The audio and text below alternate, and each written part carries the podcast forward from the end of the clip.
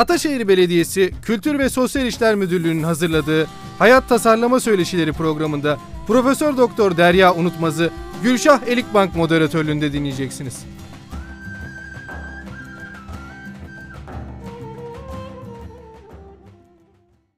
Herkese merhabalar. Ben yazar Gülşehirlik Bank. Ataşehir Belediyesi'nin ev sahipliğinde bundan böyle hayat tasarlama sanatı söyleşileriyle sizlerle birlikte olacağım.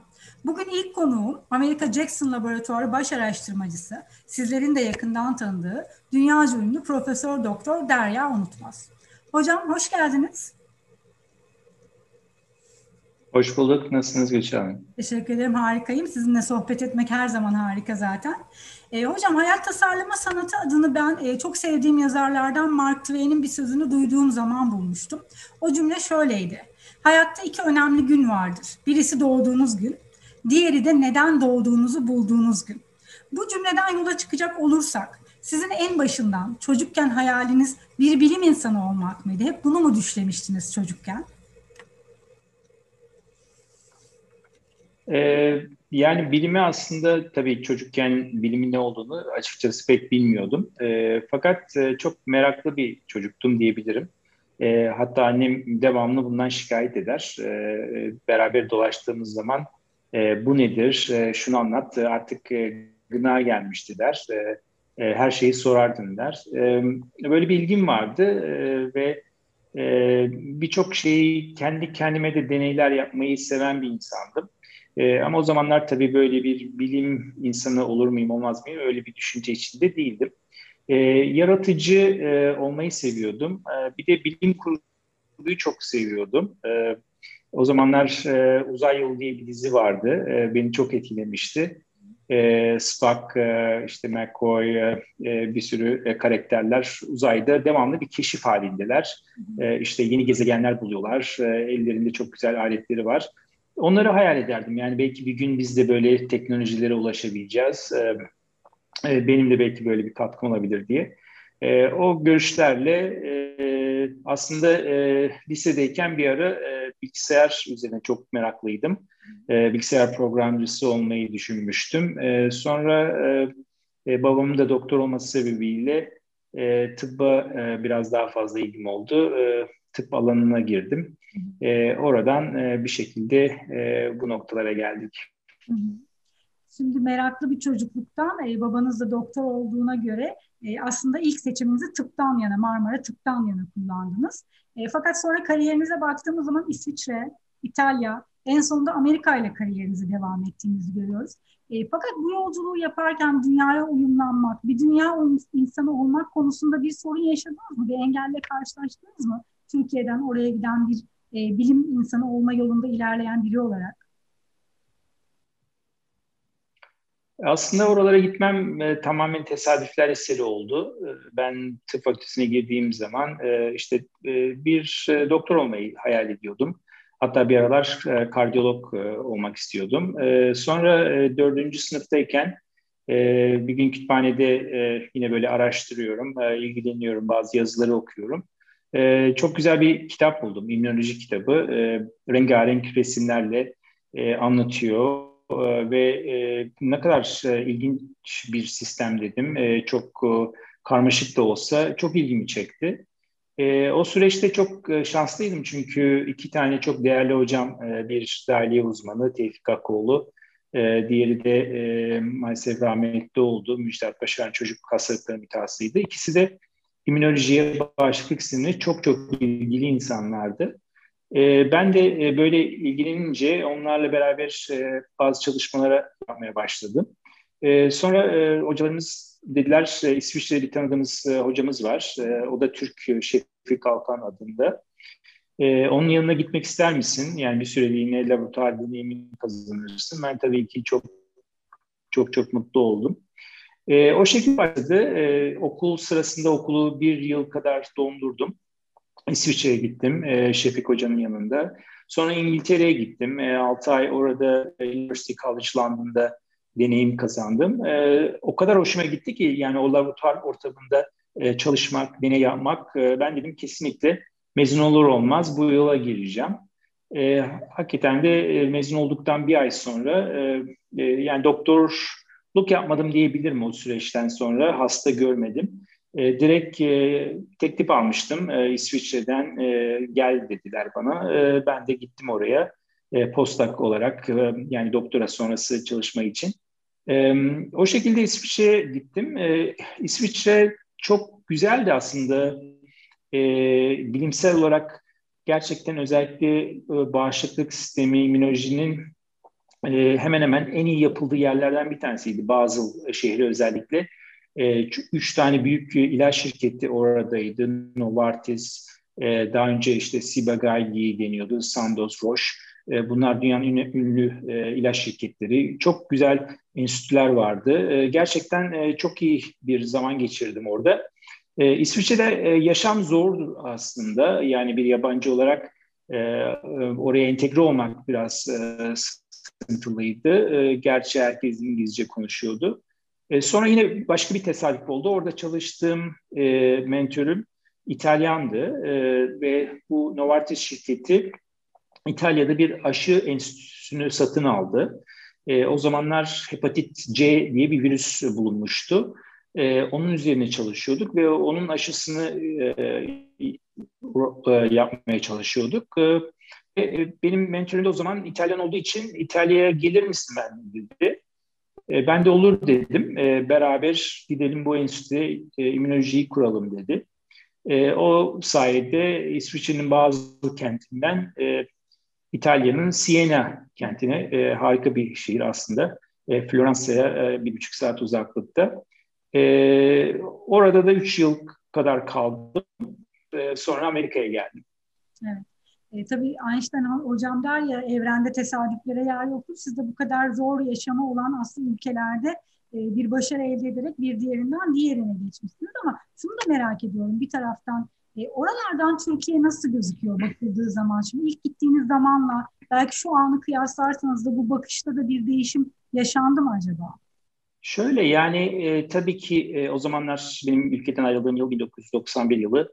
E, eğitim olarak, e, hocalarımız olarak gerçekten e, çok çok e, değerli olduklarını şimdi çok daha iyi anlayabiliyorum açıkçası. Fakat imkanlar çok kısıtlıydı. Yani o zamanlar bir deney yapmak için belli aletlere ihtiyacınız var, malzemelere ihtiyacınız var. Bunları temin etmek çok zordu. Bu bakımdan tabii ki Avrupa'da özellikle ben şanslı olarak büyük ilaç şirketinde başladım araştırmalara. Sonra e, New York Üniversitesi, büyük yerlerde e, herhangi bir e, sıkıntımız olmadı açıkçası. İstediğimiz deneyi, istediğimiz malzemeye ulaşmamız çok kolay oldu. O bakımdan tabii ki büyük bir avantajı vardı. Yani o eğitimi almak, bilimsel kültürü öğrenmek açısından. Türkiye ile tabii ki çok büyük bir fark vardı açıkçası.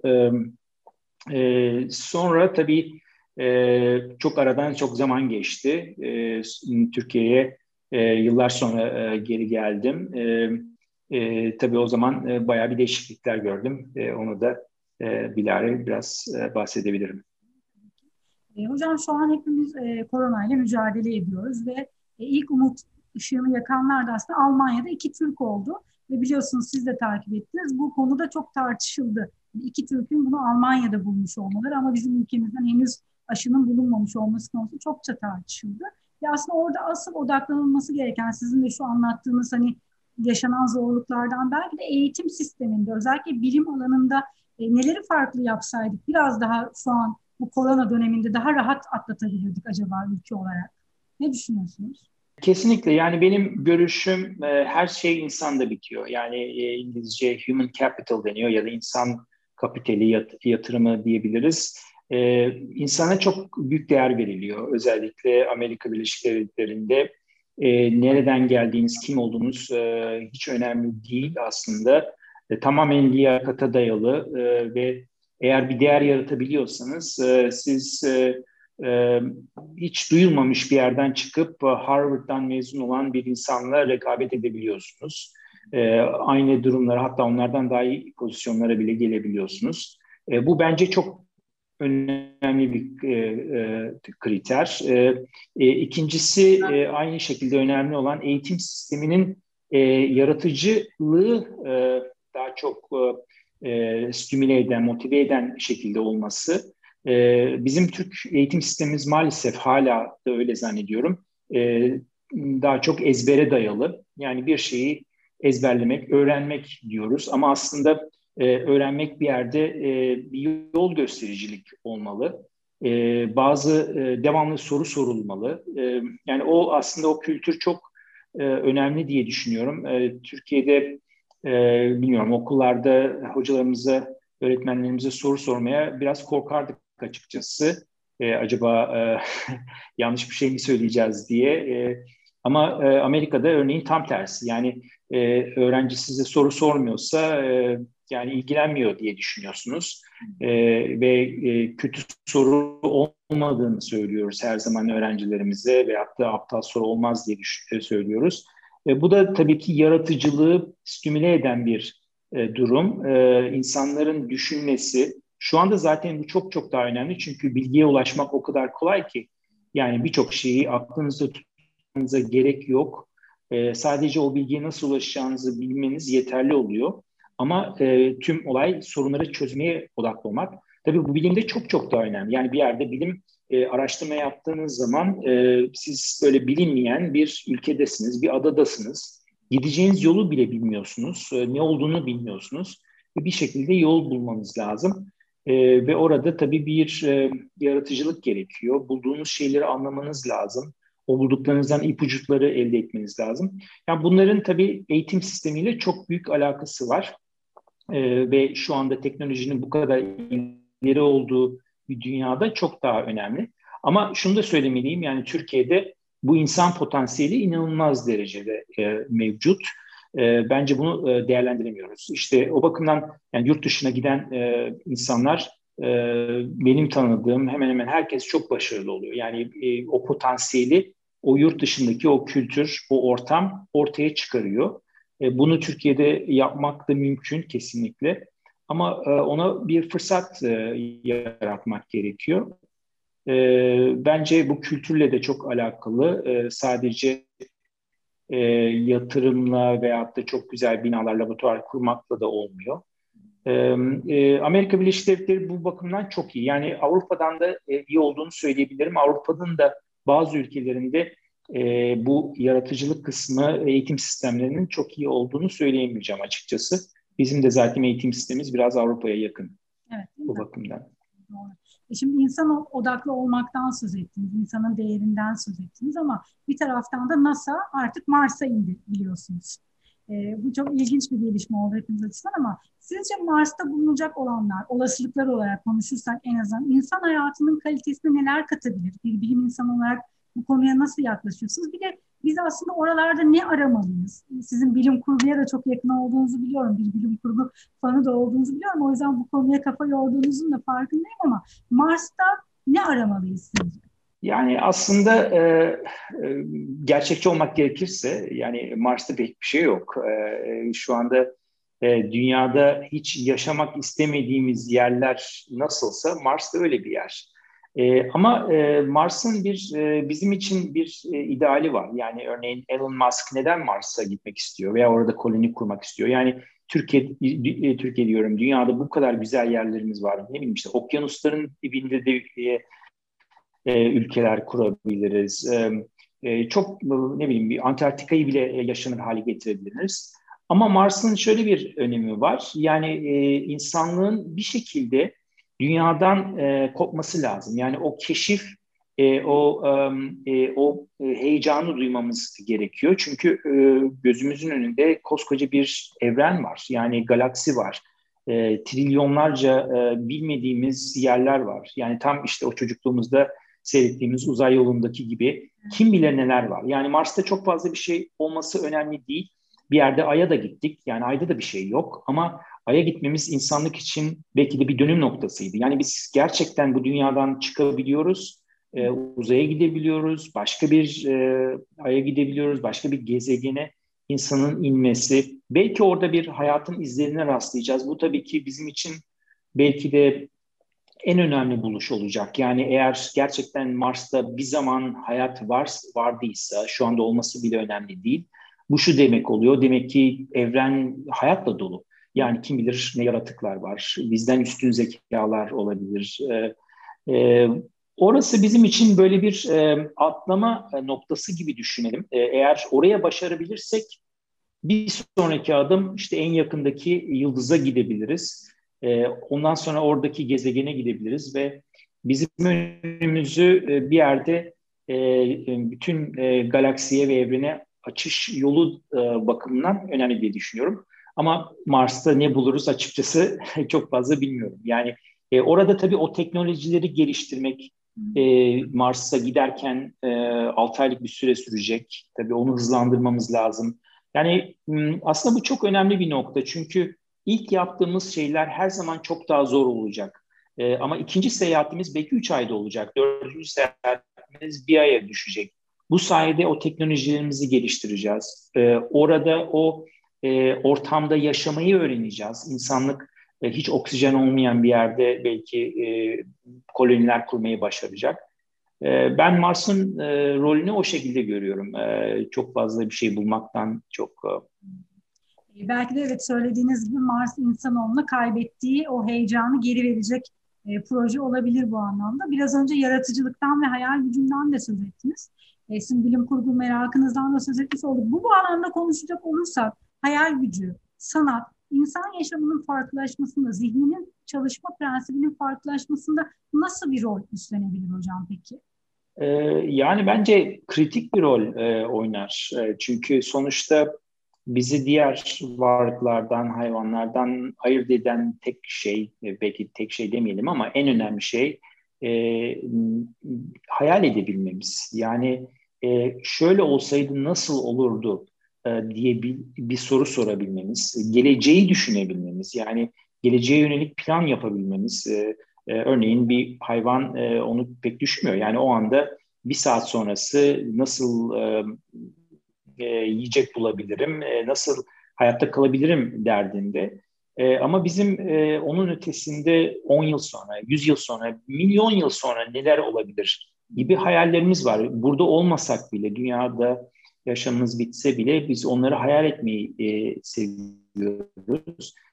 E, bu da tabii ki e, yaratıcı olmamızı sağlıyor. O e, neden sorularını sorduğumuz zaman ya da neden böyle değil e, sorusunu sorduğunuz anda bir sorun ortaya çıkıyor ve onu çözümlemeye çalışıyorsunuz. E, e, bence de e, yaratıcılık o noktadan başlıyor. E, ve tatmin olmuyoruz açıkçası. O da çok güzel bir şey. E, yani işte her zaman ki gibi de yaşayabilirdik. Mağaralarda da kalabilirdik. Hayatımız da çok fazla değiş olmayabilirdi ama e, tatmin olmadık. Yani e, çıkalım bir ev yapalım bakalım şöyle bir şey olursa nasıl olur dedik. E, zaten yani biraz önce konuştuğumuz Mars olayı da o. Yani insanların bir kısmı diyebilir yani ne gerek var yani Mars'a niye gidiyoruz, niye o kadar para harcıyoruz? E, ama işte e, o e, hem e, istek, e, yaratıcılık ve acaba ne olur, Mars'a gidersek ne olur veya başka bir gezegene gidersek ne olur sorusunu sormak. E, bence bütün sanatın, e, yaratıcılığın, yani insanoğlunun e, yarattığı her şeyin e, belki de en önemli kriterlerinden bir tanesi diye düşünüyorum. Evet, gerçekten de insana farklı sorular sorduran şey bu hayal gücü zannediyorum ki. Şimdi buradan hocam T hücresine gelmek istiyorum. Bugünlerde herkes T hücresinden e, söz ediyor. Sizin de tabii bağışıklık sistemiyle ilgili çok önemli çalışmalarınız var ama ilk olarak şunu sormak istiyorum. Bu T hücresinin alamet farikası nedir gerçekten insan açısından? E, bir de hani hayal gücünden söz ettik. İnsan ömrü sahiden de hayal ettiğimiz gibi önümüzdeki yıllarda uzayacak mı? E, ya da belki konuşulduğu gibi yaşlanmayı durdurmak, belki söylendiği gibi sadece durdurmak değil, geriye doğru biraz gençleşmenin de sağlanabileceği noktalara gelecek mi? Bilim buraya e, yaklaştı mı? Ee, önce T hücresinden bahsedeyim. Ee, T hücresi e, hayatta en sevdiğim hücre diyebilirim. Ee, yaklaşık 30 yılımı e, bu hücre üzerine harcadım. Tabii T hücresi derken bir tek hücre yok. Ee, bir sürü subtipleri var. Ee, yani ben aslında e, bağışıklık sistemini bir orduya benzetmeyi seviyorum e, vücudumuzun gerçekten bir ordusu, polisi, bazen itfaiyecisi diye düşünebiliriz. E, ve o ordunun içinde de e, tecrübeleri e, aynı zamanda bir komutan rolü görüyorlar. Yani e, komuta merkezi diyebiliriz. bu, bu bakımdan çok çeşitli e, versiyonları var. Yani nasıl bir ordunun içinde hava kuvvetleri var, işte diyor, kara kuvvetleri var falan. E, e, vücudumuzda da değişik e, virüsler, bakterilere karşı savaşmak için, bazen kanser hücrelerine karşı savaşmak için e, değişik stratejiler gütmemiz lazım. Onun da her birinin değişik bir komutanı oluyor. E, tecrübeleri aynı zamanda e, bir yerde e, özel harekat e, kuvvetleri gibi de çalışabiliyorlar. Keskin nişancılar gibi. E, örneğin e, işte antikorların akıllı füzelerini durduramadığı virüsler hücrenin içine girmeyi başarırsa bu tecrübeleri gidip onları buluyor. O hücreleri bulup yok ediyorlar. Yani birebir e, kanser hücrelerini bulup yok edebiliyorlar. E, böyle bir e, fonksiyonları da var. Tabii ki aynı zamanda da çok tehlikeli hücreler. Çünkü e, düşünün bir ordu gibi eğer ordu e, işte e, düşman yerine e, dost yerleri bombalamayı e, komut verirse o zaman e, vücudumuz zarar görüyor. E, bunun da örneğini işte COVID'de de görüyoruz, e, otoimmün hastalıklarda, kronik hastalıklarda görüyoruz. Onları da kontrol eden e, bürokratlar var. Onlar da tecrübeleri. E, regülatör hücre dediğimiz hücreler var. E, bu bakımdan çok kompleks e, bir sistem e, ve e, biyolojimizi çok etkileyen e, yani bağışıklık genel itibariyle öyle. E, oradan aslında e, bir sonraki soruya da geçebilirim çünkü onunla da alakalı yaşlanma e, e, sorusu. E, aslında bir e, ondan önceki soruyla da alakalı yine orada da şu soruyu sormalıyız. Neden yaşlanıyoruz? Yani yaşlanmak zorunda mıyız? E, bunu niye kabul ediyoruz? E, e, bu tabii insanlara biraz garip gelebilir. Yani işte hayatın şartı bu, natürel. E, ama aynı şeyi her şey için söz konusu e, söyleyebiliriz. Yani kanser de bir nat- natürel bir şey, doğal bir şey. Ve hatta korona da doğal bir şey. Yani e, e, o da bir yerden çıktı geldi. E, ama biz bunu kabul etmiyoruz. Yani e, hastalıkları tedavi etmek istiyoruz. İnsanların hayat, ortalama hayatı e, 100 yılda ortalama 40'tan 80'e iki kat arttı. E, bunun çoğunluğu gerçi işte çocuk ölümlerinin e, e, çok çok azalması, antibiyotikler, aşılar, e, e, tıptaki ilerlemeler. E, ama şu soruyu sormalıyız yani neden insanlar bir yaşa kadar yaşlanıyor, yaşıyorlar ve ondan sonra ölüyorlar? Yani biz bunu niye uzatamıyoruz? E, bunun için aslında biyolojik bir sebep yok. Yani şöyle söyleyeyim, e, biyolojinin içinde şöyle bir kural yok. E, her herkes ancak şu yaşa kadar yaşayabilir. Ondan sonra e, işte eskidiğiniz için ölüyorsunuz. E, ama değişik e, organizmalara, hayvanlara bakıyorsunuz. Örneğin e, bir fare, yani farenin aslında bağışıklığı veya virüsü bizden çok farklı değil. E, ama bir fare 3 e, yıl en fazla yaşayabiliyor. Biz 100 yıla kadar yaşayabiliyoruz. Ama diğer taraftan balinalara bakıyorsunuz. Bazı balinalar 300 yıl yaşayabiliyor. E, kaplumbağalar, e, hatta bazı kuşlar e, boyutları çok küçük olmasına rağmen 30, 40, 50 yıl yaşayabiliyorlar. Yani e, aslında yaşlanma bir yerde bir biyolojik program gibi düşünebiliriz. O e, organizmanın, o hayvanın e, kendini üretme kapasitesiyle veya kendi koruma kapasitesiyle alakalı bir şey. E, ve bunu e, çok uzatabiliriz diye düşünüyoruz. E, eğer o programı değiştirebilirsek e, ve biyolojinin şöyle bir özelliği var. Biyoloji kendi kendini yenileyen bir sistemdir. Yani e, şu şekilde düşünülmemeli. İşte bir araba aldınız, o araba bir süre sonra eskiyecek, artık e, kullanılmaz hale gelecek. Ama biyoloji öyle değil. Biyoloji o arabayı devamlı tamir edebiliyor. Zaten eğer öyle olmasa doğar doğmaz yaşlanmaya başlarız. Ama öyle olmuyor. E, çünkü vücudumuz eski hücreleri temizliyor, yenileri geliyor. Kök hücreler var, bunlar yeni hücreler yapıyorlar. Bir süre sonra onlara dur komutu veriliyor. Yani tamam artık işiniz bitti. Eğer biz o komutları devam ettirebilirsek, e, özellikle burada bağışıklık çok önemli. E, biraz önce bahsettiğim K hücreleri, onlar da e, bir süre sonra yeni e, komutanlar üremiyor. E, hep eskiler kalıyor ve e, o eskilerde yeni e, virüsleri, bakterileri tanımakta zorlanıyorlar. Zaten yine e, maalesef COVID'den örnek vermek gerekecek. Yani biliyorsunuz yaşlılar çok daha fazla e, etkileniyorlar, ölümler çok daha fazla. E, bunun da tamamen sebebi e, yaşlılardaki bağışıklığın e, eskimiş demeyeceğim ama yaşlanmış olması. Yani bir yerde e, yeni virüslere karşı çok fazla iyi savaşma kapasitelerini kaybetmiş olmaları. Bunların kurallarını bir, öğrenebilirsek ki öğrenmeye başladık bunu. E, bence e, yaşlanmayı durdurmaktan öte e, insanları gençleştirme e, e, durumuna geleceğiz. Yani yine bilim kurgu gibi gözüküyor şu anda. Ben bunu e, önümüzdeki 15-20 yıl içinde mümkün olacağını düşünüyorum. E, o teknolojiye yavaş yavaş ulaşmaya başladık. Hastalıklı olarak birkaç yıl daha yaşamak değil amaç. Ama eğer siz e, genç kalabilirseniz veya gençleşebilirsiniz, e, belki bir hayat daha yaşamak isteyebilirsiniz. Yani e, bu birinci hayattan öğrendiklerinizi ikinci hayata uygulayıp e, farklı bir şeyler yapabilirsiniz. Yani tabii Mars'a gitmek için ve gezegenlere gitmek için uzun bir hayata da ihtiyacımız olacak. O bakımdan da önemli bir konu. E, şimdi söylediklerinizi dinleyince şu da geldi hocam aklıma. İşte T hücresi dediğiniz bağışıklık sisteminin çalışma prensibinden söz ettiniz ve şu an e, zaten COVID de tamamen bağışıklık sistemine saldıran bir hastalık, bir virüs olarak gözüküyor. Şu an COVID ile ilgili elde ettiğimiz bulgular, işte aşı, belki ardından bir ilaç gelecek. Bütün bunlar sizin söylediğiniz bu e, savaşta da aslında öne geçmemizi sağlayabilir mi acaba? E, tabii yani aslında e, biz her e, yaptığımız çalışmada e, e, korona olsun, daha önce ben yıllarca e, HIV, AIDS virüsü üzerine çalıştım.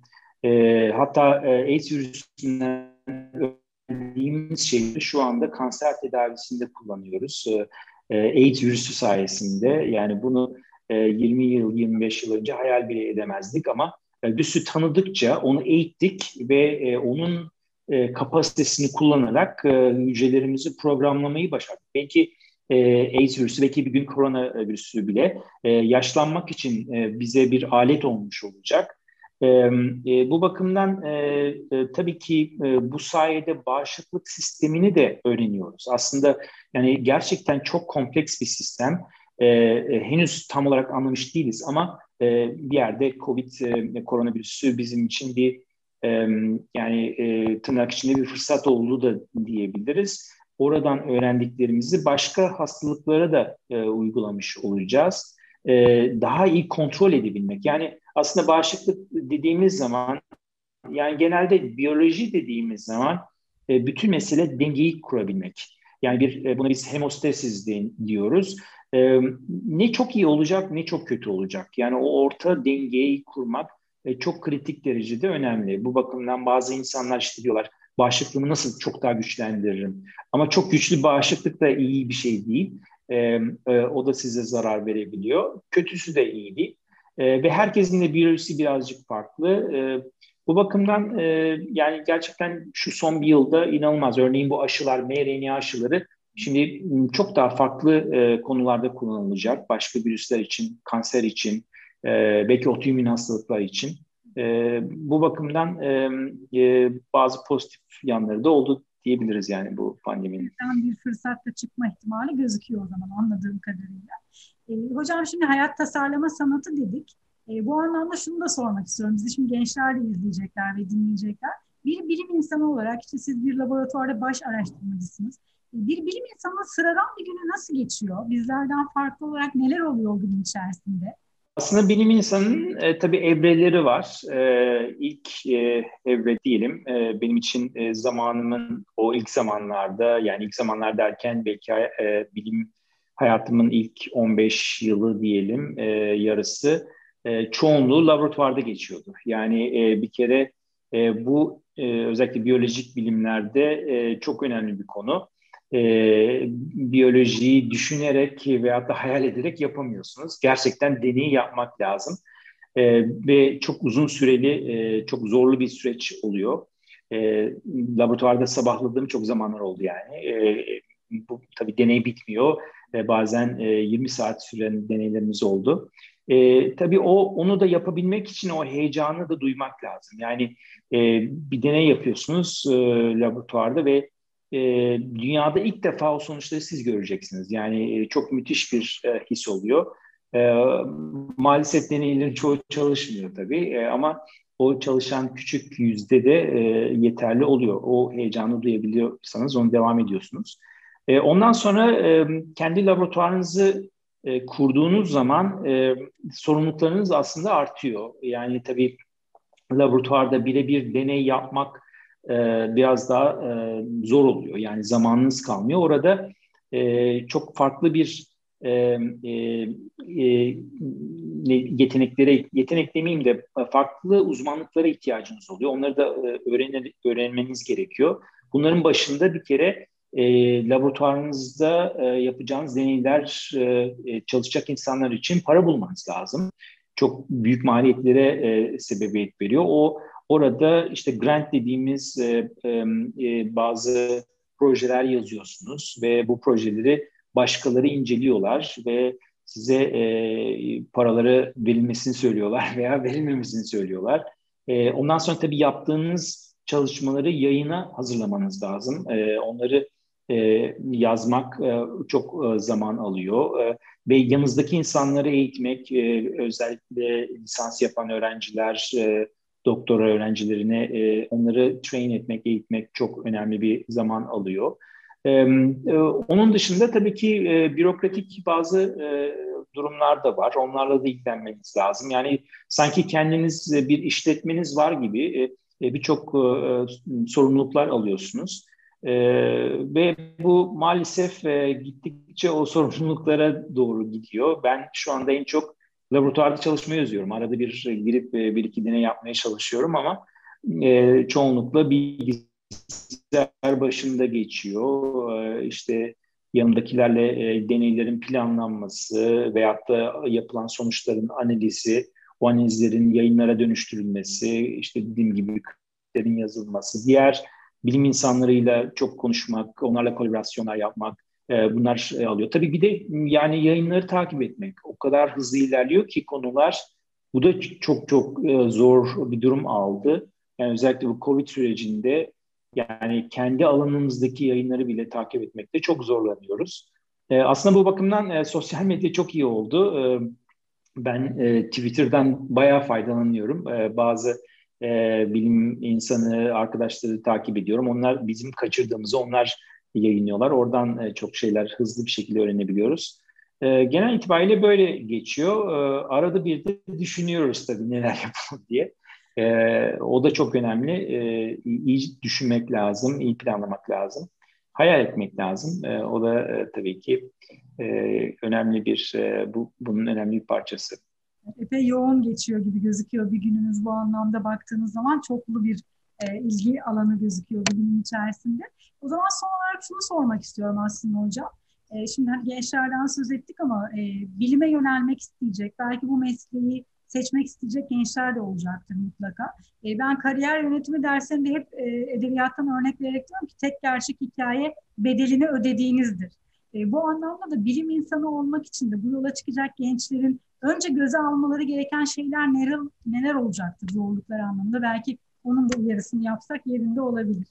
Yani aslında bu tüm meslekler için belki e, e, söz konusu bir kere yaptığınız işi sevmeniz lazım. Gerçekten bu başarılı olmanın bence en önemli sebebi. Yani sevmiyorsanız e, çok zorlanacaksınız demektir. E, e, bu bilimde çok çok daha önemli. Dediğim gibi e, aslında e, bilim belki de e, sınırlara, insan toleransına en fazla e, e, o sınırları zorlayan bir dal diyebilirim.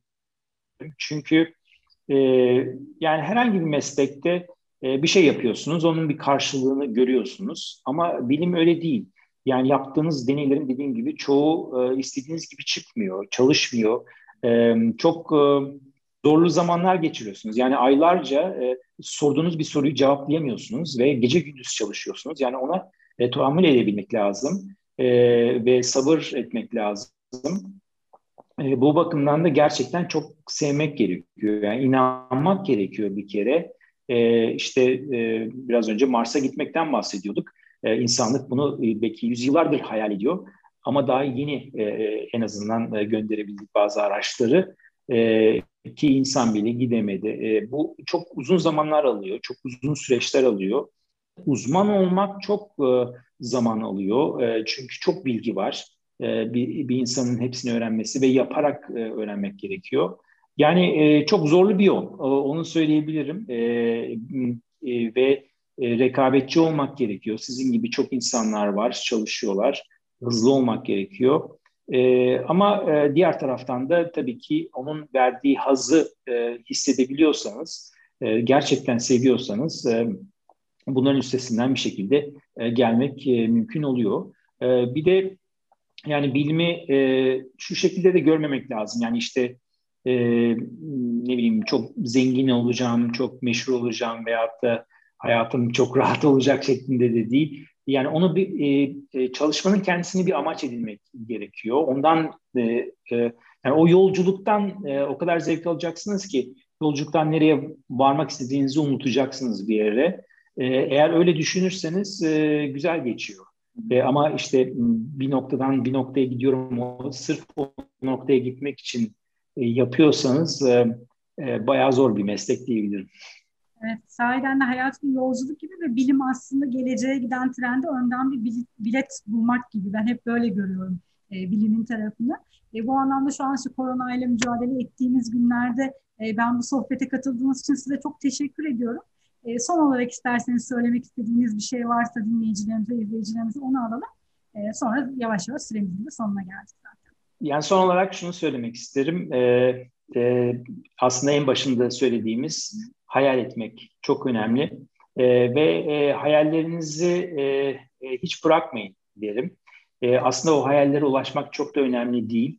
E, ama hayal etmek, belli bir noktayı e, acaba olabilir mi demek ve e, kendi hayatınızı aslında yaşamak. Yani e, birçoğumuz e, başkaları için yaşıyoruz. E, çünkü e, acaba e, böyle olursa, böyle yaşarsam, bunu yaparsam nasıl olur sorusunu pek soramıyoruz kendimize.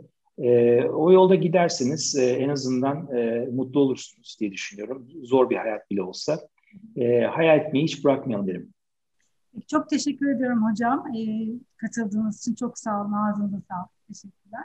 Evet bugün Profesör Doktor Derya Unutmaz bizlerle birlikteydi. Hayat tasarlama sanatı söyleşilerinde bir bilim insanı olmayı konuştuk. Sizlere de bizi dinlediğiniz, izlediğiniz için çok teşekkür ediyorum. Görüşmek dileğiyle.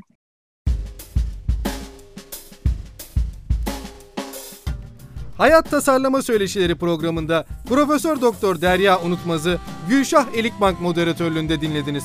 Sevgiyle kalın.